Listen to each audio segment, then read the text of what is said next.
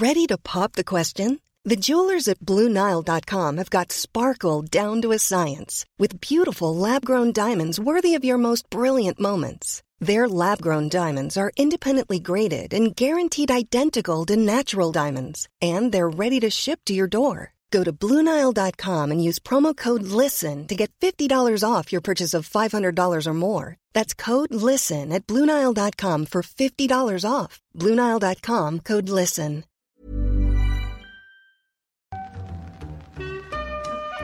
In the supermarket, you have eggs class 1, class 2, class 3. And some are more expensive than others, and some give you better omelets. That's the wrong information. Wrong, wrong, wrong information. I didn't say that. That's the wrong information. Do you think I'm an idiot? Wrong, wrong, wrong information. Now look at me when I talk to you. Your job is to tell the truth. That's the wrong information. Ja, då hälsar vi hjärtligt välkomna till Silly-podden. Mitt i upplösningen utav gruppspelet i EM så kastar vi in lite fotbollsrykten såklart, som vi ju gör eh, på den här kanalen. Eh, om några veckor så är den tillbaka och heter bara Silly-podden igen. Eh, Vi hälsar en debutant välkommen in i studion, Cesar Fältskär, välkommen hit. Tack så hjärtligt, tack så hjärtligt. Eh, har vi några dolda fotbollsfäblesser vi behöver känna till innan vi går vidare? Nej, Tottenham-supporter som så många andra mer profilerade namn på den här redaktionen. Eh, en av de eh, mindre profilerade Tottenham-supportrarna är jag då. Ja, nå- nå- Ni är så många som jobbar i den här branschen, alltså man är fascinerad tycker jag. Ja, men det är något självhat, eh, självhat som kommer in där tror jag. Men det är någonting med att, eh, för- alltså, det finns ju många journalister som är, just journalister som är Tottenham-supportrar. Det är ju inte bara Banco Niva och du, utan det finns många andra. Eh, känslan på något sätt är ju att det är majoriteten, alltså det, någonting måste korrelera med att man börjar hålla på Tottenham och att man sen blir journalist. Mm. På något sätt måste det hänga ihop. Ja. Det, är, det är för många exempel för att det, det helt gå bort sig ifrån. Ehm, borde bara se ut på något sätt. och Makoto har ni redan hört där, eh, eh, med på länk då från eh, det fjärran Farsta. det har blivit en grej nu ja. Ja. Första represent. Allt, är, allt blir alltid en grej, så är det. Så är det ju. Vi eh, ska väl bara börja med att riva av att Memphis Depay är klar för Barca, presenterad och så vidare. Har eh, kanske inte eh, varit den starkast lysande stjärnan under det här EM-slutspelet än så länge för, för Holland, men, men han är där. Eh, han eh, kommer i alla fall vara en eh, uppgradering på Martin Braithwaite, eh, får vi väl anta i Barcelona. Det får man ju minst säga ändå. Mitt under brinnande EM också. De kanske var lite stressade där över Gigi Wijnaldum-grejen som blev eh, hijackad där. Så att de var sugna på att presentera honom direkt. Ja, eh, tror du, alltså känns det som det var så då, att det var, Barca fortfarande ville ha Wijnaldum och att det var helt enkelt Paris som klev in med ett bättre bud? Ja, det Så- får man väl ändå, av det man har hört så, så får man ändå tro så. Så var det ju utan tvekan att uh, Barca ville ju ha honom. Men PSGs lön kunde inte de förhandla med. Depay har ju varit en illa dold hemlighet att Barcelona velat ha till och med tidigare. Nu är det ju tvåårskontrakt man får honom på. I läget Barcelona sitter i så är det väl en jättebra rekrytering tycker jag. Ja. Ehm, vi kan väl stanna i PSG lite idag för att vi bara, vi bara konstaterar Memphis Depay och så går vi vidare. Eh, Donnarumma, det som jag eh, slog fast, nej det gjorde jag verkligen inte. Vi tog upp det Alltså, som du en slog möj- nästan fast det. Du slog nästan fast det. jag, tror, jag, jag tyckte att det kändes väldigt rimligt. För att, jag menar, Donnarumma är en av de allra mest liksom, eh, eftertraktade målvakterna i, i hela Europa. Kanske den mest eftertraktade med tanke på ålder och så vidare. Keylor Navas, eh, lite till åren. Kanske inte en 5 plus målvakt i, i grunden. Nej. Ehm, Han har inte gjort bort sig på något sätt. Nej, och han gör ju aldrig bort sig. Han är Nej. inte, absolut inte en dålig målvakt och han, vart han än, om han stannar eller om han går vidare så kommer han fortsätta vara en väldigt duktig målvakt. Mm. Men det kanske inte är målvakten du bygger det här projektet vidare på. Nej. Och då kändes det som att om Donnarumma nu lämnar, det finns ju, PSG verkligen behöver honom. Chelsea absolut hade ju kunnat kliva in där kanske, men jag menar de har köpt två målvakter för sådär 1,7 miljarder de senaste tre säsongerna. så att de kan liksom inte fortsätta köpa målvakter. Nej, det känns tungt om man har Eh, dessutom så är Mondi bra liksom, så att eh, Han funkar. Han är en 3 plus målvakt. ja. Så att... Han är eh, mer än 3 plus. Alltså, jag, tyck, jag tycker han är mer än 3 plus, alltså, det måste jag återigen Men det är, eh, ju, hävda här. det är ju nästan, jag tycker det är mest kontraster mellan han och Kepa som har varit den tydligaste faktorn för honom. Att han är ju 3 plus, han är det psykkille, han är lång och han plockar inlägg och sådär. Men det var ju precis det Kepa inte gjorde. Jag tycker inte att Mendy har eh, liksom varit otrolig i sina, sina ingripanden. Utan han, han har gjort det han ska, det var det Kepa inte gjorde. Men, eh, Nej, Kepa gjorde faktiskt inget av det han skulle Nej. göra. Eh, det, får man, det får man ändå säga. Ja, och det, det tror jag också att eh, det är väl kanske därför som juryn på något sätt är lite ute fortfarande när det gäller Mondy i Chelsea. Just för att Ja men förbättringen var ju, var ju uppenbar, men det var ju också en förbättring mot någonting som verkligen inte fungerade. Så att, eh, Ole Gunnar Solskär-läge på Mondy. Gunnar stackarn. Ja. Alltså jag måste, Men, men måste bara- som, som jag måste säga har, har bevisat sig nu efter Jag menar, juryn var ju ute i en och en halv säsong på Ole Gunnar. Eh, före man börjar känna att ja, men det här kanske är ändå namnet att köra vidare på. mm, mm. Eh, men Donnarumma till eh, PSG, eh, ja, de, de bygger det där laget eh, starkt och Verkligen, bit för bit. Nu har de fått in Wijnaldum och Donnarumma här under, under början av fönstret väldigt tidigt och Donnarumma kommer ju bli en, alltså en, han blir ju en uppgradering oavsett och han är ju, det är rätt otroligt att tänka att han är född 99 men har spelat över 100 matcher för Milan och ordinarie i det italienska landslaget och han är ju på en otroligt hög nivå så att, att han kommer in till PSG kommer göra mycket för den backlinjen tror jag verkligen. jag menar de, de har en målvakt för de närmsta 15 åren om de liksom verkligen. förlänger hans kontrakt och, och han trivs. Så att eh, det är ju en eh, eh, no-brainer för vilket lag som helst i världen och eh, är det vilket lag som helst i världen som, som har nytta av en, då blir det ju oftast den som har mest pengar och den som har mest pengar är PSG. Eh, sån var logiken och eh, så ser det ju ut att bli. Eh, Det är ju enormt tungt att plocka Wijnaldum, Donnarumma på fri transfers Mm. så här tidigt i ett fönster. Det, det är ju en rejält styrkebesked. Sen måste jag säga att jag lider ju med Keylor Navas. Han vinner en tre raka Champions League-titlar med Real Madrid och sen blir bortskyfflad för Courtois för att Courtois är lite längre och har ett större namn. Sen så vinner han kanske inte några CL-titlar med PSG men är fortfarande väldigt bra, dessutom blonderad av någon anledning. Och sen då petas nu för Donnarumma istället, vad det verkar. Och, för Keylor verkar ju också bli kvar dessutom och ska slåss om en plats där den här säsongen, vad jag har hört i alla fall. Eh, jag lider med Keylor Navas för jag tycker att han är mer än bara en någorlunda bra målvakt. Jag tycker att han är en 5 plus målvakt. Men att någonting gör att han byts ut ändå hela tiden när det kommer andra, längre, roligare målvakter med eh, häftigare namn. Ja, ni är ju inne och tassar på det där såklart. Det är, eh, Keylor Navas 1,86. Om ens, Eh, om ens det. Eh, något sånt, eh, om ens det ja. Eh, 1,85 faktiskt. Mm. Så att, För mig då? Eh, ja, precis. Och du är ju faktiskt en, en, en, ett, en ett plus målvakt, Makoto. Alltså jag tror inte ens jag är en 1 plus målvakt. Det måste jag väl ärligt talat säga. eh, hur som helst, eh, oerhört rappt och starkt agerat från, eh, från PSG tidigt i fönstret här. Och, ehm, de, eh, de kommer jaga vidare efter den där Champions League-trofén. Nu ska de ju ta tillbaka sin franska titel till att börja med. Oerhört genant för ett sånt projekt att inte ens kunna vinna den franska ligan som de har gjort med liksom vänsterhanden de senaste säsongerna. Mm. Ehm, Och ryktena kring Pochettino har ju svalnat rejält också, så att det, han verkar ju bli klar, och, eller kvar, och han har ju fått, fått in två superspelare Mm. eh, nu, så att han kanske sitter lugnt i båten. Mycket hamn, handlar ju om att behålla Mbappé också såklart. Det, det Den lilla ju, detaljen. den lilla detaljen och eh, där handlar det väl egentligen helt enkelt om om Real har råd att köpa loss honom eller inte. Mm. Eh, det är väl för att vi vet att det är svårt att lämna PSG. Eh, de, eh, de tar ens pass när man kommer. Mm. Lite som Qatar där.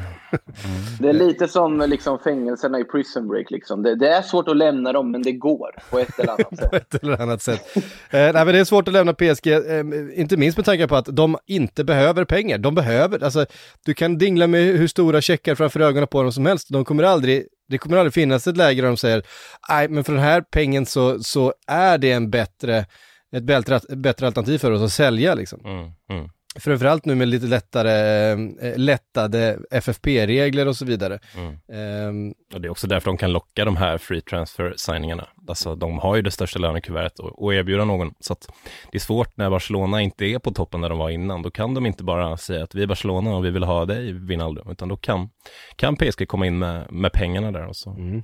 Precis. Vi går vidare i körschemat. Här står det bara Alexander Isak.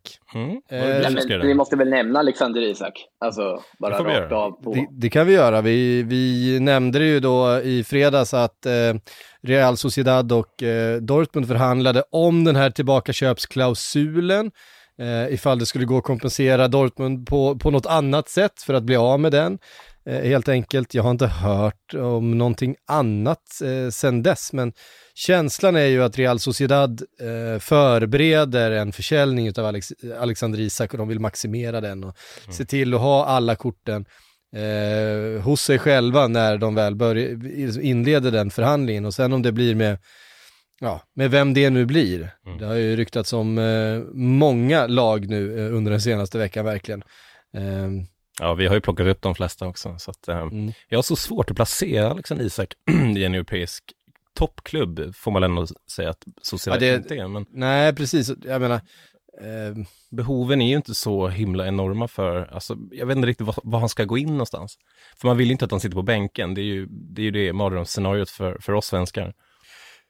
precis, alltså han är ju i den här åldern då han verkligen ska ta fart. Mm. Eh, han ska ju närma sig om ett par säsonger så kanske han ska ha sin absoluta peak. Uh, så att det är ju den här kurvan uppåt som uh, man på något sätt köper. Och då, då måste han ju ha speltid, han måste ha förtroende, han måste ha ett system som funkar och en miljö där han trivs. Mm. Eh, och frågan är vart vi hittar den, det, det vet väl Alexander kanske bäst själv. Mm. Mm. Eh, men eh, då ska det rätt eh, erbjudande komma också. Det, det är ett lite känsligt läge faktiskt Mm, för verkligen. Alexander Isak som dessutom har varit i Dortmund Mm. och eh, inte då fått den här språngbrädan rätt upp i eh, stratosfären som många hade hoppats. Mm. Mm. Ehm, Men är är han inte i den miljön, Makoto?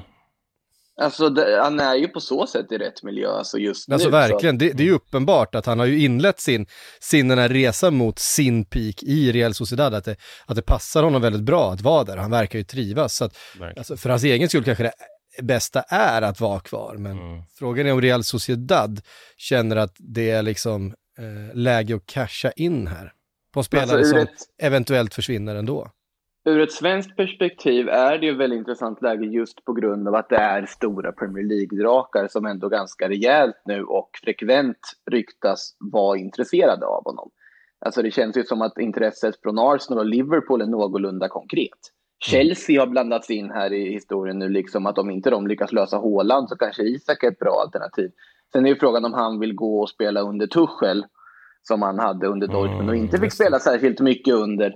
Eh, men bara det faktum att det är den typen av klubbar som nämns såklart. Nu nämns ju de klubbarna med varenda spelare som eh, lyckas med en dribbling i ett EM i de här tiderna. Men det är ändå Alexander Isak, det är en av de intressantaste spelarna vi har i det här svenska landslaget. Såklart det är otroligt spännande att följa vad som händer med honom här. Och sen är det väl att det sägs ju finnas där 60 miljoner euro i någon form av utköpsklausul i den här dealen för andra klubbar. Ja, det gör ju det. Eh, så Mm. Och 60 miljoner euro är ju inga, inga enorma summor. Ehm, Inte för den åldern och den spelaren med den kvaliteten som han just nu håller på att visa. Nej, verkligen. Och nu får ju andra upp ögonen för, för honom. Jag menar, det pratas ju om Mm. honom i, i alla olika medier runt om i världen när de, när de ser den här spelaren på, på den svenska planen. Så att det, det är ju bara, det är bara rimligt att han börjar, börjar prata om honom nu. Liksom. men om det ska vara riktigt krass, Leicester skulle kunna betala 60 miljoner för honom. Absolut. Eh, varför skulle han gå till Leicester? Nej, nej, från... nej det, är inte, det, är, det är inte det jag menar. Det är, absolut inte så jag menar. Ja. Men jag menar bara, alltså, eh, pengasumman avskräcker ju egentligen ingen från den övre halvan i Premier League, vilket är ju det som, som är så groteskt här. Mm. Eh, Ja. När nästan inget italienskt lag har, skulle kunna köpa honom och ganska få spanska, så, så har du tio Premier League-lag som skulle kunna bara slanta upp. Ja, vi, behöver en, vi behöver en striker, vi behöver en riktigt bra forward, eh, ett nytt spännande namn, någon som eh, har eh, seglat upp, som, vet, det, är en, det är en stark marknad upp i Skandinavien. Ehm, Ja, det är West Ham. Eh, West Ham behöver en striker. De har ju siktet på en annan blågul, eh, blågul anfallare. Eh, just det. Det har de ju. Eh, Vi kommer väl till det. Det kommer till det. eh, är det med här då? Det tror jag. Jag skrev ner är det. med? Jag, vet, jag, jag, insåg att jag kanske inte Jag skrev det. en ny flopp, skrev jag. Ja, det är längre ner. Ja, Nu, näst som, längst ner. för, för transparens skull så är det alltså jag som har kastat ihop körskämt och psyk som läser från det. Ungefär Mm. samma, samma format som vi brukar köra med här i Sillypodden. Eh, precis, där ja. Ja, nu ser jag det. Det är lite längre ner. Eh, Ramos-läget hörni. Mm. Ja, Eh, Ramos är inte kvar i Real Madrid. Nej, han är klubblös. Det är han och han är ju högvilt på transfermarknaden av förklarliga skäl. Eh, vi sa väl tidigare här när vi spelade in senast att det blir inte Sevilla, det blir inte Barcelona. Eh, Premier League-klubbar uppges ju såklart vara intresserade. Det har dykt upp allt från City till United på den tapeten. Men sen även också Roma, Mm. väl? Med Ja, Mourinho. ja, absolut. Eh, Mourinho sägs ju vilja återförenas med sin... Och det, det känns ju som att om, om Mourinho skulle få ta ut en, en, någon slags drömelva av alla, av alla spelare eh, som han haft. Jag, jag, kan, jag kan komma på tre namn jag vet hade varit där. Eh, Ramos är en utav dem. Aspilicueta hade varit där. Och, Did, och Didier Drogba. Ja, jag, Ja, tror att, alltså Mourinho har ju... Alonso. jag tror att Peppe hade varit där också. Peppe hade varit där. Ja, men han sa ju det Varför att går inte Roma för Peppe? Ge mig, ge, mig, ge mig ett lag med Aspilicueta så vinner jag vad som helst, har han ju sagt på en intervju. Ehm, Det är bra förnamn på honom. han Också. vill ju ha spelare som, som kan ta en instruktion och eh, stå rätt placerad försvarsmässigt och, Det kan han och sannolikt. vara laglojal. Ehm, men Ramos är ju jättespännande såklart. Det, är ju, det är ju en av världens bästa mittbackar som bara finns där. Hallå! Mm. Eh, är det någon som vill eh, ge mig ett eh, kontrakt med rätt hög lön? Mm. Eh, och, Rätt, ett, rätt extremt hög lön också. Jag såg eh, lite uppgifter i brittisk press om att PSG hade backat ur för att de tyckte det var för, för högt och det är inte likt dem riktigt. Och om PSG backar ur så kommer väl inte ens Roma till förhandlingsbordet får man väl gissa ändå. PSG som väl har eh, siktet inställt på varann va? Mm. Eh, det är nästa punkt på listan, så vi kan väl bunta ihop dem lite då. Eh, inte helt utan eh, orsak. Varannläget enligt ABC. Det- ABC. Det kan inte vara Nej, amerikanska. ABC. Vad fan. Jag borde läsa igenom de här körschemana innan vi sätter oss i studion. Du satt ju till och med och skrev det kan vara en idé. Jag, satt, jag har också skrivit in grejer, men jag, vet- jag vet, man, Du är läs, förberedd än vad du brukar vara. man läser med ett Ja, så att Syks tog tio minuter på sig att skriva en Arsenal-grej. Så att, Faktiskt två ser jag här. Men det... Två. Två, ja absolut.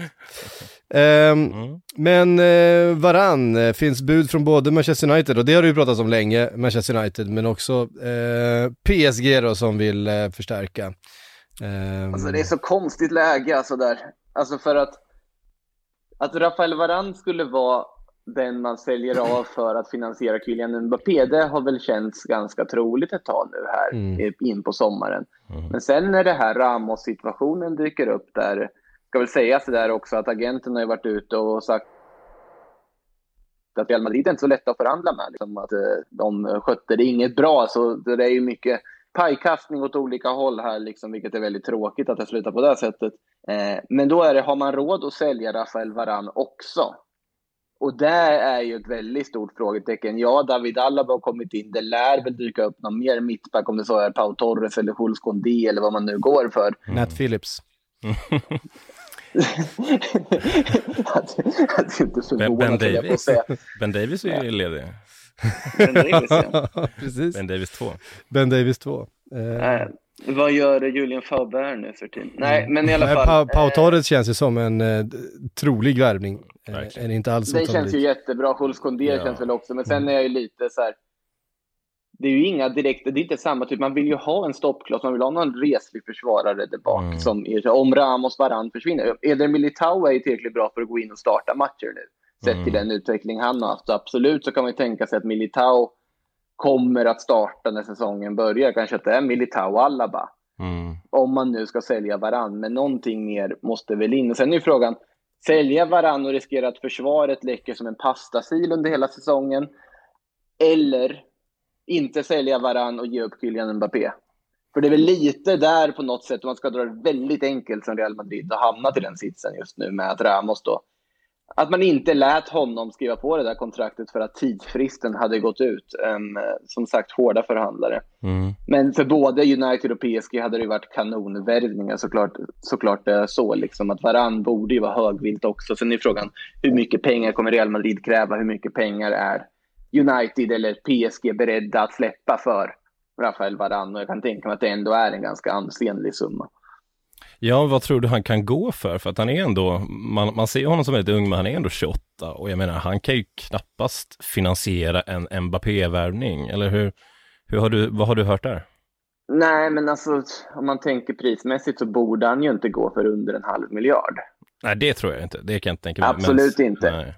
Men och sen måste man också tänka att om du då får en halv miljard på bordet, bara rakt av, Mm. då kan du bokföringsmässigt värva Kylian Mbappé för betydligt mer pengar för att du kan avskriva de här.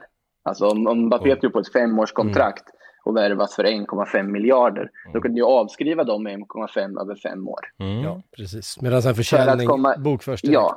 Bra på Precis, och försäljning bokförs direkt. Så därav så kan du finansiera på så. Sen finns det ju mycket annat Real Madrid som skulle kunna finansiera Kylian Mbappé på något sätt. Mm. Nu har man ju varit ganska... Alltså känslan är ju att alla bara möjligtvis Mbappé, men det är nog inte så mycket mer som dyker upp, även om det har varit ganska lite random rykten. Jag kan väl ta upp det orimliga Spinazzola-ryktet som dök upp från ingenstans om att eh, då Borja Majoral, som tydligen fortfarande är på lån, det visste inte jag, Eh, Roma vill ju ha kvar honom för att han har varit förvånansvärt bra i Roma. Det var väl ingen som riktigt förväntade sig att han skulle vara så pass bra med tanke på vad han har åstadkommit tidigare i karriären, den gode Majoral. Mm. Men att då Real Madrid ville ha med Spinazzola i en sån deal. Och det är helt orimligt för mig med tanke på att vänsterbackar är väl det absolut sista de ska titta på. Och särskilt offensiva sådana. Och det du pratar om Spinazzola är bara underligt. Så det känns som att man nu kastar in varenda människa i det här italienska landslaget till Real Madrid bara för att Ancelotti kommit dit. Och sen även varenda spelare som någonsin burit Evertons tröja genom åren. Eh, det var väl eh, de, inte kanske helt pålitliga, The Sun skrev bland annat att Dominic Calvert-Lewin var av intresse för Real Madrid. Och det tror jag, tror jag inte jättemycket på, om jag ska vara ärlig. Nej. Men det är väl den klassiska mästerskapshypen. Jag menar, Spinazzola gör, Ja, det- gör två bra matcher och han, eh, han uppnår någon enorm, eh, enormt hög eh, hastighet och så, och så vips Fast Spinazzola var inte heller helt o, det var inte helt liksom, osanningsenliga källor i det här. Ja, det var verkar Ja. det verkar verkligen ha funnits någonting i att Madrid verkligen tittade på Spinazzola. ja, det låter ju faktiskt helt orimligt. Och då undrar man ju ja. riktigt vad de sysslar med. Ja, Eh, men summa summarum, mycket kommer handla om kan man få in Kylian Mbappé eller inte. Det känns som att det också är många spelare som varit iväg på lån som kommer få nya chanser. Martin Ödegård verkar faktiskt ingå i truppen till Real Madrid nästa säsong. Gareth Bale verkar göra det. Han fick ju frågan här nu på presskonferens här om hur ska det bli ha Ancelotti som tränare? "Nej, Jag har väl inget val eftersom att jag är Madrid-spelare nu, sa Gareth Bale. Eh, så att eh, han verkar ju få en ny chans i Madrid sista kontraktåret här om han inte ska pensionera sig istället. mm. Eh, Eden Hazard får man väl inte såld och så vidare. Isco verkar bli kvar, Marcello verkar bli kvar. Så att det, jag tror inte det kommer ske så mycket. Ancelotti, rekryteringen känns också som någon sorts, nu tar vi en paus här och satsar framöver. Men frågan är liksom, hur illa kommer det se ut för Real Madrid? För att min känsla är ju att det här kan bli en ganska jobbig säsong för dem. Framförallt om de inte lyckas få Kylian Mbappé. Mm. Ja, Charlotte i rekryteringen känns ju verkligen som en, han, han är ju en förvaltare, han ska ju göra någonting av det som Ja, finns, så de kommer ju inte att, de kommer inte att spendera flera miljarder för att Ancelotti sitter på tränarbänken, det är inte det som kommer hända, så att eh, jag är inne på ditt spår där också, det kommer nog inte hända jättemycket. Mm. Vi, eh, ska, vi, ska vi ta mina Arsenal-rykten då? Det som tycker jag, som tycker jag eh, snokade upp här. Eh, först och främst att Arsenal har öppnat förhandlingar med Eintracht- Frankfurt om André Silva. Mm. Eh, 35 miljoner pund skrev visserligen The Express, men, men det har ju pratats. det var väl bara för att det var de... Du lägga in någonting i körschemat, så hittar du ett rykte från The Express Ja, det, är, det här, är, är, ni, är ni nya till den här podden eller? Jag, jag, jag har slängt in Express-länkar i, i åtta åtta år i den här Sillypodden. Det det är först nu du är transparent med det. det har aldrig funnits några som helst eh, hinder för mig att, att göra så. Men, men de här förhandlingarna, alltså eh, intresset för André Silva har ju eh, skrivits om under en, under en tid. Mm. Ja. Att förhandlingarna har inlett, ja, det vet jag väl inte, men, men det, det finns säkert förhandlingar med agenter och, och Frankfurt är såklart eh, medvetna om intresset. ehm, och ehm, ja, André Silva, kanonsäsong bakom sig. Eh, Arsenal behöver kanske då få in en målskytt till. Mm. Ehm, Ja, även att de hans- har en, alltså, har Lacazette och Aubameyang och Mm. eh, Martinelli och lite Edin sådär. Kettia. Enketia, Willock kommer tillbaka, det är mycket nu. ja, Pepe. Nej, men, men André Silvas säsong i Frankfurt har ju, den har ju kommit lite i skymundan. Jag menar, nu hade ju Lewandowski det här megarekordet och att Frankfurt missade Champions League-spel, men han har gjort en supersäsong och det är inte första gången han gör extremt mycket mål i, eh, i, eh, i, i en klubb under en säsong. Så att han är ju lite, jag vet fan, han är ju lite underskattad, det är han ju verkligen. Och 35 miljoner pund låter ju som väldigt bra. Han är inte jättegammal och han kan ju uppenbarligen spotta in mål. Men sen så har han ju lite svårt nu, han har inte riktigt kommit ut sådär på den stora, på den stora scenen än. Och det är väl frågan om man kan ta det steget från en, från en mindre klubb. För det kunde han ju inte göra i Milan uppenbarligen ju. Han var ju, Nej. han, han misslyckades ju där får man ju ändå säga. Och det var ju Ja, verkligen. Så att det, är- det är ju frågan om, om Arsenal ser någonting där, att han kanske har utvecklat lite kvalitet som gör att han kan passa in på den större scenen. För att det måste man ju också, det måste man ju också säga att pressen, pressen i Eintracht Frankfurt må, må vara stor, de har mycket supportrar, men pressen i Arsenal är ju enormt mycket högre. Ja, ja verkligen. Det är bara Eh, Luka Jovic är väl ett bra exempel. Verkligen. eh, 28 mål på 32 matcher i Bundesliga. Det är otroligt bra. Det, det är väldigt bra. Eh, och ja, frågan är ju vad som händer då med, med Aubameyang till exempel och, och hans... Eh, De fortsatt- kan ju inte få honom såld. Det Nej. finns ju inte. Då är det väl snarare Lacazette som man kan typ Mm. låna, med, låna ut med köpoption till Serie A eller något.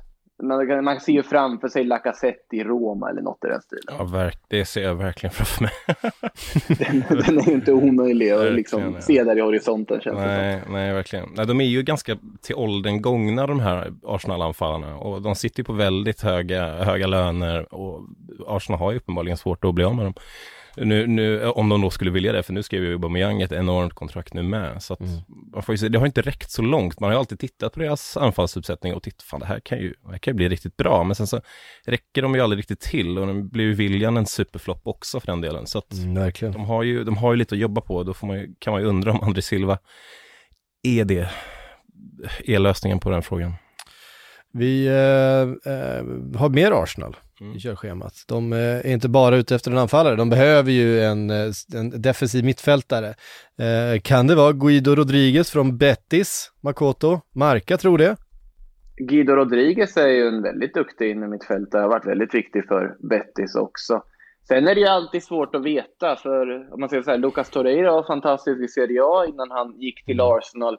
Thomas Partey var helt otrolig i Atletico innan han gick till Nu har han haft skadeproblem, så det kanske är hårt att kalla honom en flopp eller döma ner honom redan nu, men det är ett svårt steg. Sen tycker jag Guido Rodriguez är en bra spelare och det känns som en hylla som Arsenal kan figurera i utan att det blir liksom kostsamt på sikt och så vidare. Så absolut ser jag väl potential i en sån värvning. Sen är det väl ingen som går in och bara liksom förändrar laget för, på en natt. Eh, José Mawar, ryktet har ju dykt upp igen här också. Det ska väl, vi ska väl liksom Mm. avhandla det den här sommaren också till Arsenal. Han ska Yes. väl flytta förr eller senare med. Eh, det kanske är en spelare som snarare går in och liksom lyfter på ett annat sätt. Det kändes det som att Arsenal spelade oroväckande många matcher med eh, El Nenni från start eh, förra säsongen och det där, där, där kan man ju uppgradera nu. ehm, eh, Ja, Guido är en uppgradering. Det, det kan vi ju konstatera i alla fall. Ja, och um, jag menar 27 år gammal, eh, kanske är liksom precis då i, i den, eh, det skedet av, av karriären då det är rätt att, att göra det här bytet och eh, komma in och stabilisera upp eh, det här Arsenal. Eh, Arteta har väl bra koll på den spanska, den spanska fotbollen och de spanska kontakterna så Ja, det får man ju hoppas. Och sen kan han ju knappast vara jättedyr heller. Nu vet jag inte hur långt kontrakt han sitter på, men, men det kan ju vara en sån här liten, liten härlig lösning. Precis som Mendy blev i Chelsea då. En lite billigare lösning, men som ändå gör jobbet. Och det finns ju ganska, det- skorna att fylla är inte jättestora, så att där har det pratats om att eh, Granit Xhaka är på väg ut också ju. det är Roma, ja precis. Ja. Det är ju perfekt då också att det öppnas en central mittfältslucka i Betis så att Dani Ceballos utan problem bara kan åka, flytta tillbaka till Betis om han bara Vad ska de skicka. Ceballos åt andra hållet ja? Det tror jag, det tror jag många Arsenal-supportrar har varit nöjda med. Han, han ska väl redan lämna, det är väl redan klart. Ja, ja, jo, det så är det väl. Eh, han var väl, han var bara på lån. Ja, va? två, två, två, två säsongslån va? Ja, något sånt. Ännu en spelare för Real Madrid att försöka tjäna pengar på på något vänster. Mm. Eh, Harry Kane.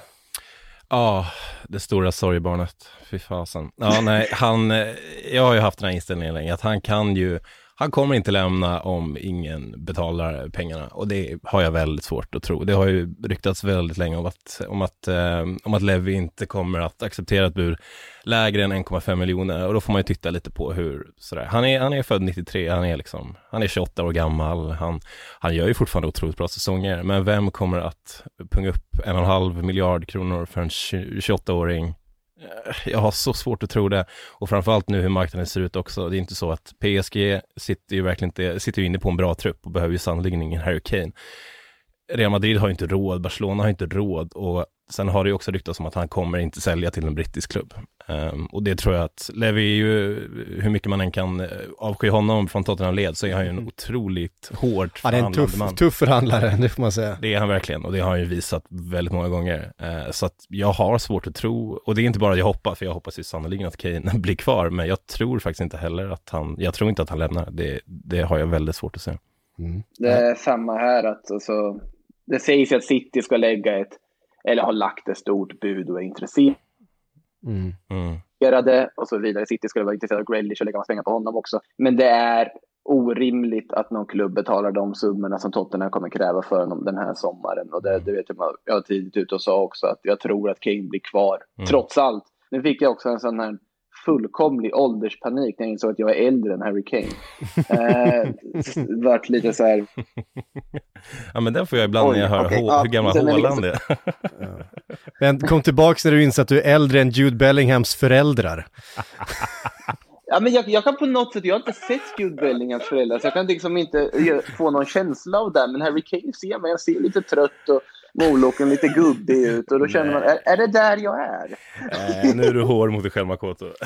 Ja, nej, den, den är tuff. Den jag tycker vi tuff. går till en yngre spelare här sen som kommer istället. Ja, verkligen. Men nu kanske då, om man skulle lämna, så är den här anfallsplatsen i Tottenham som har varit designerad alla floppar genom åren, kanske blir öppen och kanske någon får ta steget in där i så fall. Det hade ju kanske varit ännu, det enda positiva med att han lämnar, det är att den här andra anfallaren får bli den första anfallaren istället. Alexander Isak kanske? Alexander Isak hade jag välkomnat med öppna armar till Hotspur Way. Ja, vi får se, verkligen se vad som händer. där. Jag är helt inne på att på din linje att eh, hans eget utspel där var, var lite på något sätt lite ill-advised. Mm. Och eh, inte en överskattning av det egna marknadsvärdet på något sätt, för att hans marknadsvärde är ju enormt högt och att det finns jättemånga lag som hade velat ha Harry Kane såklart. Men han kanske underskattade hur marknaden ser ut just nu. Mm. Eh, före det utspelet kom, för jag har också väldigt svårt att se. Då är det ju så här, Manchester City, men Mm. Ehm, Jag har så svårt att se att han... det hade ju, det hade ju känts. Ja, det hade det verkligen och det, vilken signal att sända till supportrarna efter, Efter allt. ja, efter Super League-haveriet och tränarhaveriet och jag menar det. Fast, fast hellre City än att det går till Chelsea, eller? Ja, på något sätt, eh, absolut, men det är ju också pest eller kolera. Eh, Manchester United har ju varit laget annars som har eh, eh, varit mest intresserade, om vi går tillbaka ett par säsonger och ett par sill i fönster så har det ju varit ett rejält eh, intresse från eh, Manchester United. Där eh, är det ju Sancho fortfarande som man håller på att jobba på. Nu ska ett bud lagt, 77 miljoner pund tror jag att eh, man har sagt. Och det är vårt, det är vårt sista bud. ska, Det är fortfarande inte där Dortmund vill va? Eh, alltså de är inte helt överens, men alltså det, det kommer ju lösa sig. Oj, nu tappade jag grejer på golvet. Tror jag också. de är så nära varandra i den här förhandlingen Nu, Och sen nu så- kommer det gå. Nu kommer det, det är ju gå. bara, det är liksom, det är någon klausul och någon, du vet, och så här. men vi lägger på lite extra, men så strukturerar vi den här betalningen lite så här och sen så gör vi den här klausulen och så kan vi stoppa in det, det här, på det här bankfacket och sen så, ja men det, det ska trixas och fixas lite grann va, så, så kommer det här lösa sig. Ehm, För Uniteds del så gäller det bara att sitta och böna och be för att Sancho blir kvar på bänken under EM. att han inte kommer in mot Tjeckien och gör ett hattrick eller någonting nu. Så att Dortmund bara, "Nej, men vi vill ha 20 miljoner till. Och så är vi igång igen. Eh, nu är de ju ändå ganska nära varandra. Nu är det ju så att det känns ju som att båda parter uppges ju också vara väldigt måna om att faktiskt få igenom den här affären. Sanchos kontrakt går ut 2023. Om de inte får igenom den här sommaren, då kommer det vara nästa sommar med ett år kvar på kontraktet och ett reapris. Dortmund Mm. I det här läget nu när Sancho ändå har tappat något i marknadsvärde sett till att kontraktslängden har sjunkit och så vidare och United ändå är redo att förhandla. Nu är det ju läge att sälja. Det sa jag förra sommaren. Nu säger vi det igen. Det är läge att sälja för de pengarna och nu känns de mycket närmare varandra och eh, United prioriterar helt rätt istället för att ge sig på massa luddiga Kane och Grealish-spår så håller de sig till huvudspåret som är Jadon Sancho. Löst det, sen kan man börja titta på annat. Ja, och han verkade ju ändå ha fått någon sorts löfte förra sommaren om att du stannar ett år till, men nästa år så, så får du gå. Och det, är ju, det märker man att han, han ändå vill och det finns en självklar plats för honom i, i Manchester United som ändå har varit, som ändå är där uppe och nosar på, på, på titeln får man ändå säga. Så att jag tror att han vill lämna, jag tror att Dortmund vill att han lämnar, jag tror att alla vill att han lämnar. Så att det brukar också resultera i att han lämnar. Ja. Eh, och det, det, jag menar, vi har slagit fast det nu så många gånger. Det får fan ta hända, jag blir så trött på det. Vi tar en gång till. Det är inget Koulibaly-rykte till Premier League att slänga in när vi ändå är igång. Nej, exakt. Något så här luddigt rykte om en halv mil- en miljard ungefär. För Ja, just det, just det. Däremot- slipper dem i år. Eh, Ja. Däremot så har vi, eh, hur fan säger man, Achraf? Achraf, Achraf Hakimi. Achraf Hakimi. Jag Eh, säger Achraf. Achraf. Ja, det är nog Ja, fast det är Achraf. säkert fel. Det är nog Achraf. Men i alla fall. Han är. Hakimi. Han är fin och han inte vill ju desperat sälja honom. Det, det märks ju väldigt tydligt. Ja, de behöver ju pengar. Det är väl Ja. därför de eh, vill sälja. Men de vill inte sälja för vad som helst. Nej, Men där är det också förhandlingar som pågår. Sen nu undrar jag om Inter inte har värderat honom för högt för att få honom såld. Nu är, verkar ju ändå Chelsea och PSG ha lagt bud i 60 miljoner euro-klassen. mm. Chelsea vill ha 80. Eh, inte omöjligt att man hittar någon form av, eller inte vill ha 80 men Ja. naturligtvis. De, de försöker hitta någon form av lösning. Mm. Både Chelsea och PSG hade ju mått jättebra av den rekryteringen. Det kan vi i alla fall konstatera. Men behö, behöver Chelsea Ja, verkligen en högerback? det. Alltså, det känns som Hakimi, eh, ja, jag, jag vet, jag Ja, vet inte fall. De har ju en fin Reece James där. Ska Ja, man hindra precis. den? De, har, de har dessutom känts som alternativ. Jag menar, de Ja. har Aspilicueta och Ja. de har, eh, jag vet inte. Nej, jag är inte säker Achraf på- är en uppgradering på Reece James. det har jag Det absolut, det har jag ju verkligen. Men, men PSG hade kanske mått fast de fan också. Monier när jag tänker efter. Så att, ja, det är Nej, klart att Monier är han, i Dortmund. Ja, det är han verkligen, det har du helt rätt i. Eh, Absolut att han däremot- hade varit en uppgradering i Chelsea också, men det känns också lite konstigt att, att hindra den, att hindra utvecklingen för Reece James som ändå har gjort en otrolig säsong och spelar ju, spelar ju för England liksom. Så att, Sen är det väl kanske så att Reece James i första hand är en högerback, Mm. inte en wingback. Hakimi känns mer som en wingback kanske. mm, Ehm, Tuchel gillar wingbacks. mm. Eh, så att det kan finnas sådana. Eh, oh, vad hette han? Zappa Costa. Zappa, Zappa Costa hette han. är, är, är Hakimi liksom Tuchels Zappacosta? Är det det? Nej, alltså, du Det var en elak jämförelse, tycker jag. Zappa Costa-nivå. Zappa Costa känns ju Jag högst skojar. Men det, det var, alltså jag minns det när Conte kom in och han eh, tittade på, på ytterbacksalternativen, framförallt då högerbacksalternativen. Och Då var ju Aspilicueta den, den givna där. Och så, Mm. Nej, det där är inte min högerback, jag måste ta in Zappacosta. Eh, och sen spelade han, vadå, ja, fem, sex matcher eller någonting Ja, var den här in från. Torino och det blev inte jättebra. nej. Var det Victor Moses som spelade där ute istället? Det var verkligen, han gjorde det bra ska vi säga också. Så, ja, han gjorde inte bort sig på något sätt. Nej. Apropå höger wingback så pratas det av förklarliga skäl mycket om här Denzel Dumfries nu också. Bayern München ska ju vara väldigt intresserade där. Ja. På tal om en klubb som hade mått bra av Achraf Hakimi. Ja, det var ju Bayern München. Men eh, lite för dyr kanske. Dumfries ska väl ha någon klausul på runt 15 miljoner euro. Så det känns ju som ett superfynd.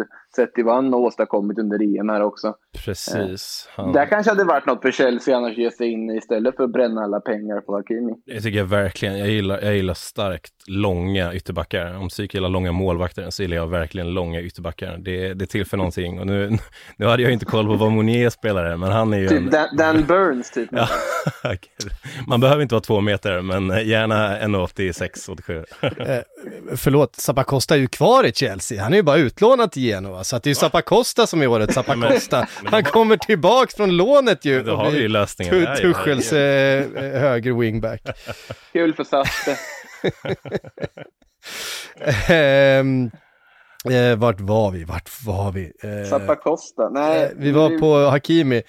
Ehm, vi, eh, vi går vidare därifrån i alla fall för att ehm, ja, Inter kommer ju behöva eh, casha in kanske på några av de här spelarna som var väldigt bra under den här säsongen. Men Lukaku har ju sagt att han ska stanna och det är väl det viktigaste för dem. Eh, deras Alltså- viktigaste eh, kugge i det här laget. Mm.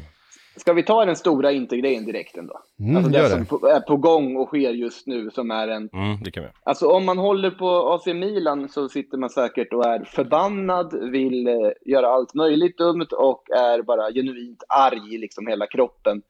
Och, men från utomstående så är det ju jätteunderhållande och intressant att Hakan Çalhanoğlu verkar vara, alltså allt tyder just nu på att han då tackar nej till Milans kontraktsförlängningserbjudande och går på fri transfer till ärkerivalen Inter. Ja, det, är, Eh, alltså det, det, det är så... det, är rätt, det är rätt sjukt, är det. Det, det får man ändå säga. Jag, jag undrar, som den konspiratorikern man, är, man ändå är, är det någon sorts Eriksen-ersättare? Om, han nu, om det här nu stämmer att han inte får spela i Italien på grund av sin, sin hjärtstartare, är det, är det, är det någon som, inte som kliver in här och, och tänker att det här kanske kan Det vara något? kan, det kan ju ligga något i det, för det är ju en offensiv mittfältare. Ja, Eh, men det. däremot undrar man ju också, Nico Barella är en annan spelare man tänker, är han på väg bort? För det är ju lite i den där luckan bakom luckan, så att Mm, säga, bakom mm. Lukaku och eh, Lautaro, Mm. som eh, Çalhanoğlu spontant borde gå in och spela, som den här släpande länken mellan anfall och mittfält. Där Eriksen har fått spela, där Nico Barella har spelat. Mm. Eh, den positionen är ju den som borde vara vigd för Çalhanoğlu om man nu är värvad för det. Ja, och det Och tror han- jag, hur glad hade man själv inte varit att få spela släpande anfallare bakom, bakom den anfallsduon. Det, det, det känns ju, eh, ur svensk, även ur svensk synpunkt, känns ju lite mer lockande än att spela bakom Zlatan. Mm. Och det här är alltså spelare som var kanske Milans absolut bästa under den här säsongen. Mm. Eh, fick väl inte den liksom, utveckling under EM som man hade hoppat på, för där kunde han väl trissat upp sin lön några miljoner om man har gjort ett bra EM. Nu vart det ju ett katastrofalt EM för hela Turkiet och Mm. inräknat. Mm. Det var väl därför den här dealen bara snabbt gjordes på något sätt innan han blir ointressant och andra alternativ dyker upp. Mm. Men eh, det är ju en rejäl bomb. Det är det tycker jag. verkligen. Ja, verkligen. Jag tycker det är slarvigt av, av, av Milan att inte ha honom under kontrakt. Jag menar, Donnarumma gick kanske inte att göra så mycket åt. Han, eh, han har ändå fostrats i klubben och hade möjligtvis lovat honom och vill ju ha en fin relation. Men att inte förlänga med Hakan Çalhanoğlu innan, tidigare, för att ändå få ut någonting av honom känns jäkligt slarvigt.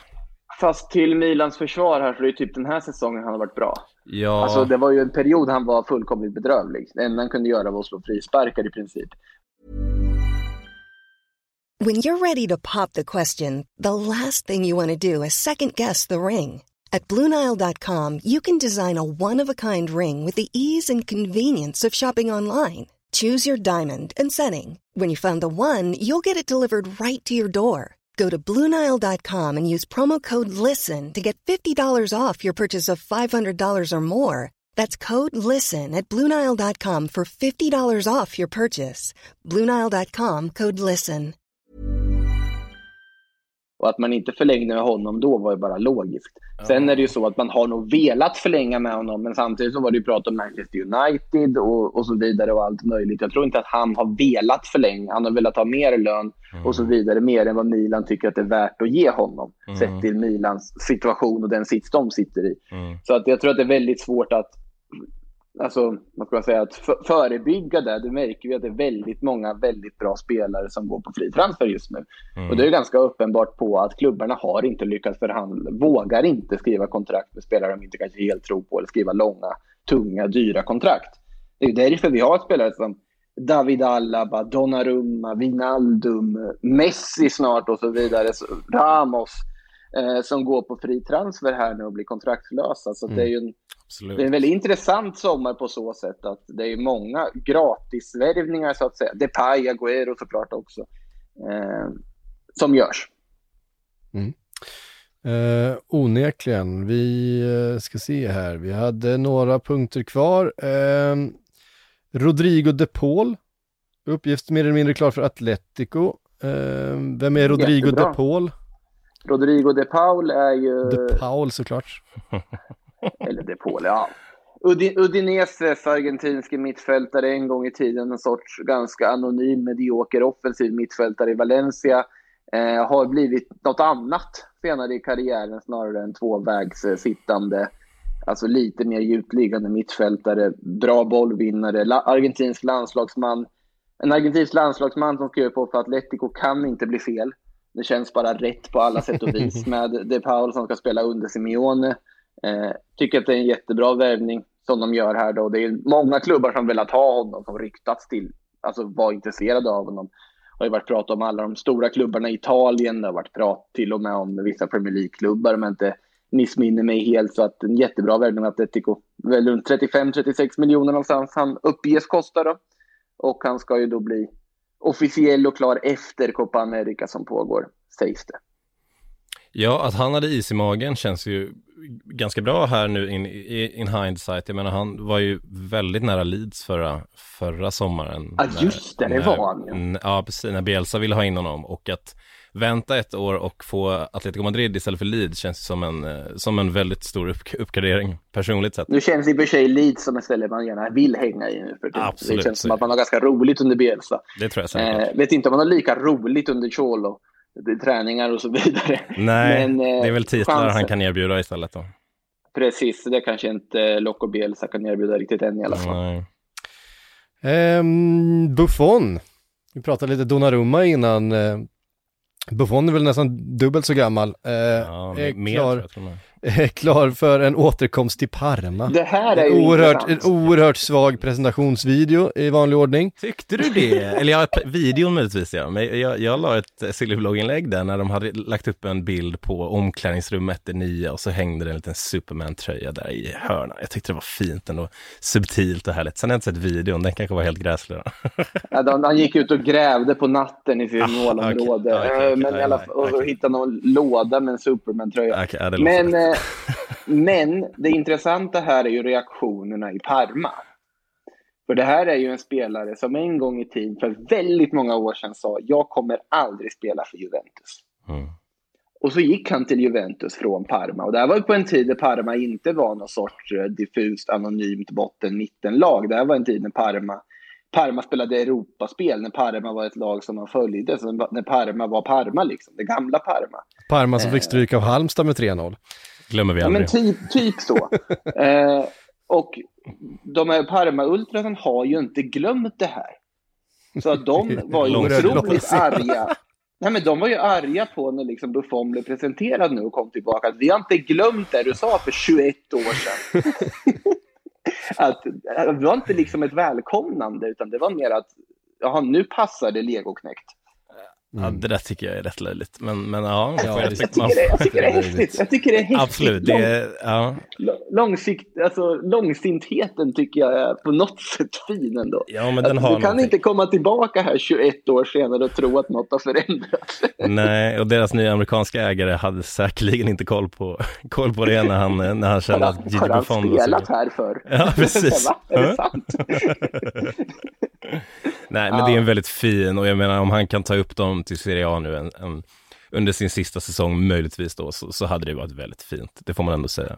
En liten... Förhoppningsvis med Mats Elvendal som målvaktstränare om man ska tro uppgifter som Just har, ja, det ryktet igång. kom ju upp. Det, det kändes lite B.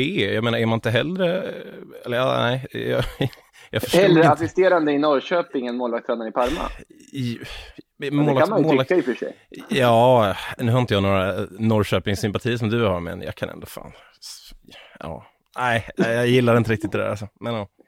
Nej, jag, jag känner ju att i Elvendal-fallet där, om det nu blir Parma får väl se, men att han går utomlands, det känns som att det, det skulle nästan skett tidigare. Där har vi faktiskt en, en Ja. tränare som kan komma väldigt, väldigt långt på en internationell nivå sett i nytänkandet och sett i liksom mångsidigheten han har och hur uppskattad han har varit som målvaktstränare. Eh, väldigt internationellt stuk på Elvendal så att eh, bara stort lycka till får man säga helt enkelt och hoppas att oavsett om det blir Parma eller något annat att det ska gå bra. Mm, mm. Ja. Eh, jag bara konstaterar att det är eh, kvällen då Halmstad slog Parma med eh, 3-0 är där eh, på, på Örjansvall. Jag var tvungen att googla upp det. Eh, Buffon sp- spelade inte den matchen. Eh, Men han, jag tror att han satt på bänken. Jag fick inte upp bänkarna här, men det var 95 och då, då, hade Ja, han ju, då var han ju med i A-truppen för, eh, för Parma. Ah. Eh, så jag undrar om inte han satt där och frös på Örjansvallen då på bänken. Eh, det är så orimligt länge sedan.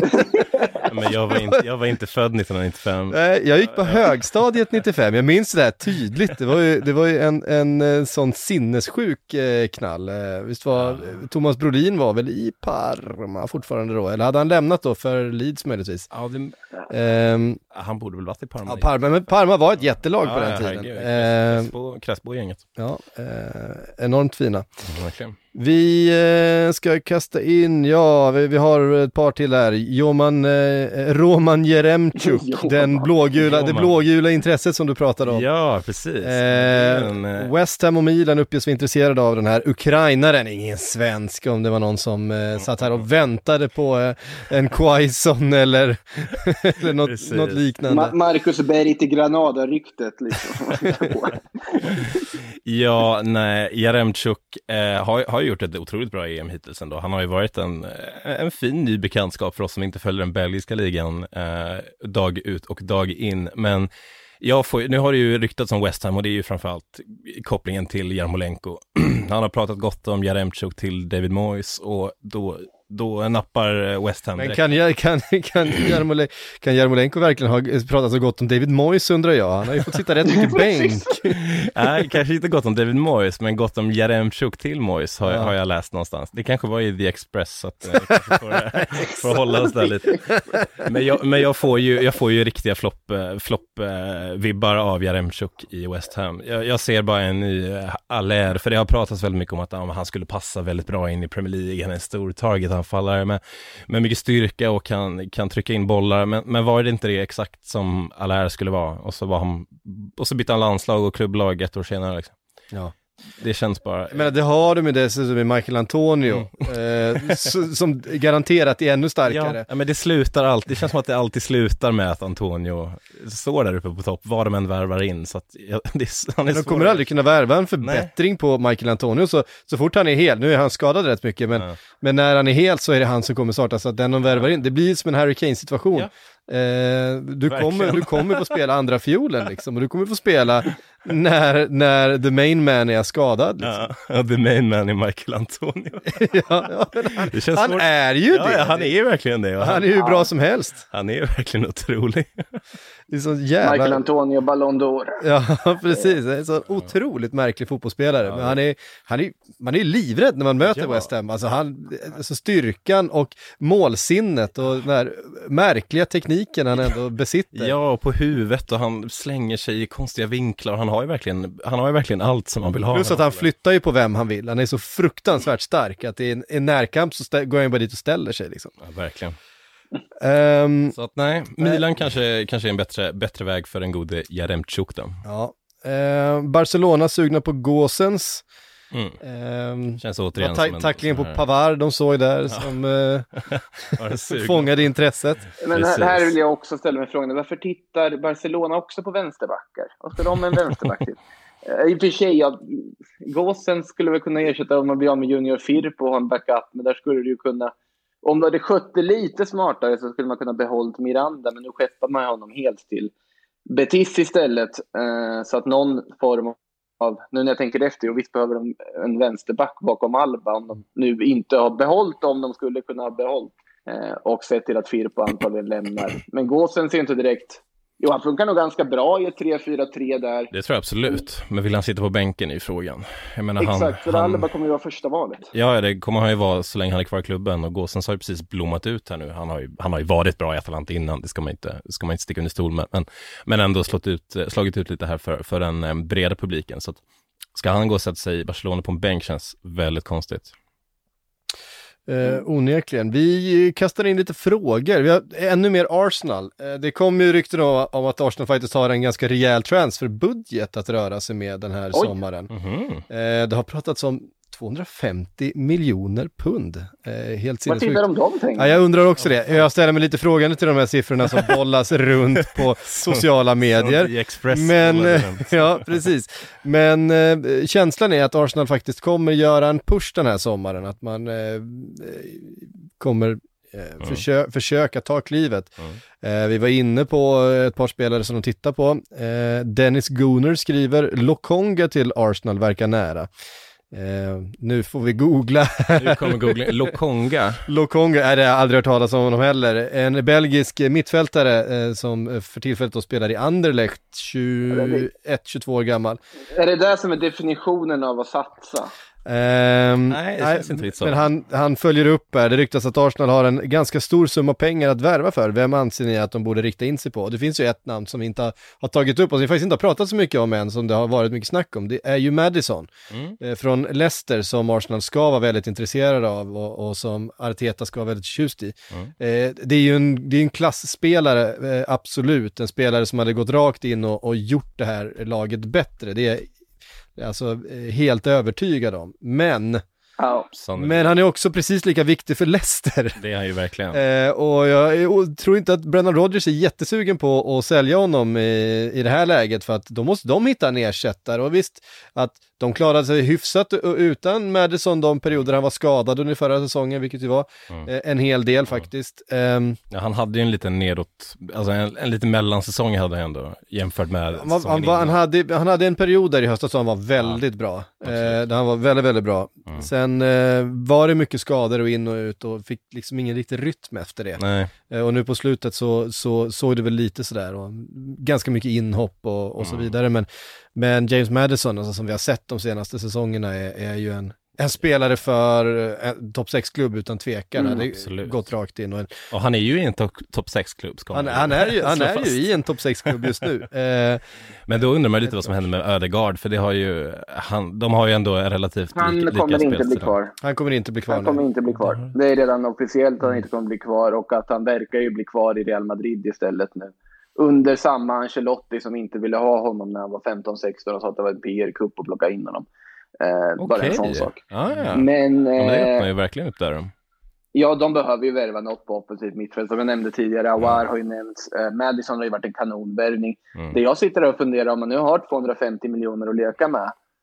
Alltså är det helt orimligt Jag skulle, att jag, skulle, jag skulle inte försöka- tro att det, att det kommer spenderas 250 miljoner, Nej. inte om de, Nej. om de inte har liksom radat upp en, eh, en miljard för Bukayo Saka eller någonting, men då, då skjuter de sig ju själva i foten Ja, ja, skulle ja. jag det ska de säga. inte göra. Det ska de inte göra. Men jag vet inte om det är inräknat då eventuella försäljningar också. Men om vi det- då leker med tanken att Arsenal ändå har ett ganska bra kapital att jobba med. Är det helt otänkbart att man ger sig in och petar lite på Jack Grealish? Nej, det är inte orimligt, men eh, samma sak där. Ett, ehm, alltså Jack Grealish håller jag ju ännu högre än James Madison. Alltså Mm. Jack Grealish Mm. tycker jag är kanske eh, en- en utav hela, eh, hela ligans absolut mest spännande spelare. Alltså definitivt den utanför, man säger storklubbarna som eh, håller den högsta nivån och Absolut. som har den högsta, högsta nivån. Alltså det är, finns ingen snack för mig. Eh, Men där tror jag att det är Manchester City och Manchester City, City verkar ha bestämt sig för att de ska värva Mm. eh, Jack Grealish, vilket ju också känns Mm. helt sinnessjukt. Va? Ja. Alltså, Med vad de sitter på också. alltså med tanke på det laget de har liksom, Mm. och de alternativen de har på, på de positionerna. Liksom. Det, Mm. eh, ja, men in med Grealish också då, som redan är petad av Sterling och Foden i landslaget, Mm. så ska, ska han in och spela i City. Vi, Eh, Jag vet inte, det är något som är... Nej, det har vill ni ha en long shot? Ja. Rejäl, rejäl liksom long shot här. Mm. Eh, om Grealish hamnar i City. Sterling till Arsenal med lån. Inte osannolikt. Nej. Eh, den, tycker, den kittlar lite. Ja, absolut. Det gör. Foden är, finns inte en möjlighet att Pep släpper. Eh, Nej. jag, tror att, jag tror att Pep släpper vem som helst i hela laget. Ja, med undantag för De Bruyne före, Ja. han, före han släpper Phil Foden. Det tror jag absolut. Och det har ju ryktats lite om eh, Bernardo Silva ut också, som skulle möjligtvis kunna Ja. göra plats. Precis. Och jag menar, eh, jag, jag tror att om värvar man Jack Grealish i det, här la, i det här läget, då ger man Jack Grealish en startplats. Det gör man Då har, då, har, då har Pep hittat en, en, en perfekt roll. Verkligen. För att Grealish är en, en, en Ja. rollspelare. Eh, Fast Pep skulle också kunna värva honom för en miljard för att rotera honom. alltså han skulle kunna göra det. Och så, men då ska vi tänka att om vi räknar med att de spelar tre framåt då. De ska väl ha en central forward också. Då har vi väl ändå kommit fram till att de ändå verkar titta på att värva. Ja, det måste, det måste de nästan värva. Det funkar ju Så inte. oavsett vem det blir då, en central forward. Eh, säg att det blir Haaland, bara för, för tanken, tankeleken. Mm. Haaland, Grealish, Foden primärt. Bernardo. Eh, och så har Snitt, du snitt, alltså- Snittålder på vadå, 22? Ja, det känns Och så har du De Bruyne bakom. Och så ska du ha Bernardo Silva in. Och sen så har vi Riyad Mahrez, men han får väl ha kvar för att ge lite Mykonos-känsla till Haaland. Ja, Eh. exakt. Och sen har du ju Ferran Torres. Mm. Så har du Gündogan. Är sur, ja, att han är inne mitt ja. Om man Ja. ska spela ensam sittande igen och Guardiola ska fortsätta med det finalexperimentet. Eh, det finns inte så mycket plats för Sterling till slut och Sterling har ju själv varit ute och sagt att han inte är så nöjd med speltiden han har fått. Nej. Det är inte helt otänkbart att Sterling ändå tittar sig lite om, om nu Grealish, nu, nu är vi väldigt långt fram i tankarna här, men om nu Grealish skulle dyka upp att då borde nästan Sterling titta sig om efter något annat. Mm. Ni vet vem Sterling har som agent va? Åh, nu tappar jag namnet, men det är han som har Bale. eh, all, värvat alla de här spelarna till Arsenal senaste tiden. Och då Ja, precis. Jurabcan. Tänkte Sterling på Jurabcan? Jag tror det. okej. Ja, men det är ju klart ju. Jag ser bara så otroligt mycket, mycket vidriga Instagram-bilder från den trion, Haaland, Grealish och Foden. Alltså, fy, vilket, vilket mardrömsgäng att sätta på ute. Och gud alltså. Ja men tänk, Lads on tour. ja men, t- ja men det är ju verkligen lads, lads, lads. Tänk, tänk den, tänk dem på klubben i, eh, i Mayfair-klubbarna. Fy fan, Nej, vilken nej, mardröm. nej, nej, nej. Ja. Eh, jag kan ha fel. Eh, jag hade för mig att det var, att det var Jurabcan han satt, han satt med. Jag vet inte, jag försöker, jag försöker real, eh, realtids eh, googla här, det, det går inte så bra. Vi är alltid så Eh, väl han sparkade, för han sparkade ju den här agenten som han hade när han lämnade Liverpool. Hans agent är Col- Colossal Sports Colossal Colossus Sports. Management. De har även Alex Oxlade Chamberlain och Arber Seneli. Oho. Aha. Okej, ja, det- det, var inte namn. Jarobcan som, eh, som satt på, på Sterling. Men att de, alltså alla de här agentfirmorna har ju liksom olika agenter som är en del, alltså det är liksom ganska luddigt alltihopa liksom. Verkligen, Eh, verkligen. Men, eh, men de har, de har Maitland Niles Det har de. Det har de. med, med Arsenal-känningar så, Reece så Oxford. Ja, det är fin, fina gubbar. ja. Agent Maitland. Eller vad? jag vet inte, när var, när var Maitland Niles i, eh, när lämnade han Arsenal? Är han kvar? Det var bara för att han han, han, är, han är bara, Han är på lån. eller köptes han loss i, i vintras? Eh, Men han gick ju till West Bromwich, men jag funderar Ja. på om han köptes loss eller jag tror att han gick på lån. Ja, det, tror, det har jag också för mig. Men det är en tydlig etta i Colossal Sports Management i alla fall. Alltså Ja. Maitland, Maitland Niles menar du? precis. Ja, men precis. Lånet tog, tar ju slut här nu, så han Ja. tillhör ju Arsenal. Så de lär väl försöka casha in på honom. Jag kan ändå se för en användningsområde och ha honom som en truppspelare tycker jag väl att han funkar. Absolut, Eh, men jag tror inte han själv är så sugen på det. Det var ju, det, det var ju därför han lånades ut, för han, var, han ville ju inte sitta på bänken bakom, bakom Sarka. Ja. Men det är en typisk sån här OS-truppspelare, sån där man vill ha med i en trupp bara för att han kan spela på alla möjliga positioner och, göra, och liksom Ja, inte det vara var- så bra men finnas där. Ja, det har du rätt. Ehm, vi ska väl ta någon till, eh, ja men vi kan väl eh, bara, det är många som undrar här just om, om Grealish med tanke på att eh, Kastar Pil till exempel skriver, hur ser ni på att Emiliano eh, Buendia är klar för Aston Villa? Eh, blir han och Grealish ett radarpar? Nej, jag tror att eh, Buendia helt enkelt är den spelaren som ska ta Grealish plats Ja, när han, när Ja. han lämnar efter EM här. Ja jag och Makoto pratade lite om det där, att det, det måste ju vara det. Alltså, jag Mm. menar Buendia var ju ändå, han Han var betalade ändå, ganska bra för Buendia. Och, Absolut, och han var ju eftertraktad. Jag snackade ju som Arsenal rätt mycket där också, så att det känns ju verkligen som en, som en direkt ersättare. Eh, och om inte då Grealish skulle lämna så har de ju inga problem att spela ihop heller tror jag inte. Nej. Hörde ni, det var allt vi hann eh, den här måndagen. Eh, klockan springer på. Ehm, tack Cesar, tack Makoto för att ni var med i Sillypodden idag. Tack, tack alla ni som har lyssnat. EM-podden rullar vidare. Vi har en till eh, Fotboll Radikal-intervju på gång. Mer om det här lite senare i veckan. Eh, intervju med en utav landslagsspelarna. Såklart fler eh, EM-avsnitt med genomgångar av de matcherna. Imorgon kommer vi då med första halvan av sista omgången. Ska vi summera imorgon på dagen och sen så på torsdag tar vi då den andra halvan med Sverige och så ska vi då summera hela gruppspelet och se fram emot de här åttondelsfinalerna. Som vi fortfarande är fruktansvärt svårt att se vilka det blir som ska möta vem. Alltså det här, den här eh, matematikexercisen som eh, Uefa har liksom eh, lagt på alla sportredaktioner ute i Europa just nu, den är hemsk. Mm, ja, verkligen. Det är så, så jävla många scenarier som eh, måste tas eh, hänsyn Ja. till. Vi kan ju säga att Sverige går ju... Och- och Sverige... så- sa du nu? Ja, liksom summan av alltihopa är fortfarande att typ alla går vidare ändå. Ja, det. det är svårt att missa. Men Sverige måste alltså undvika ett kryss idag mellan, för Österrike och Ukraina. Eller Ukraina och Österrike. Och sen så får inte Ryssland eller Finland vinna. De, får, Alltså för- de, de båda får inte vinna. För att, för att vara helt färdiga Förutsatt utan att spela. ja. Utan att spela. Precis, utan att Ja. spela. Ja, ja ni hör ju. Eh, Sillypodden är snart tillbaks igen också. Eh, som sagt, eh, missa inte våra EM-poddar under veckan och sen så, ja, så rullar det på.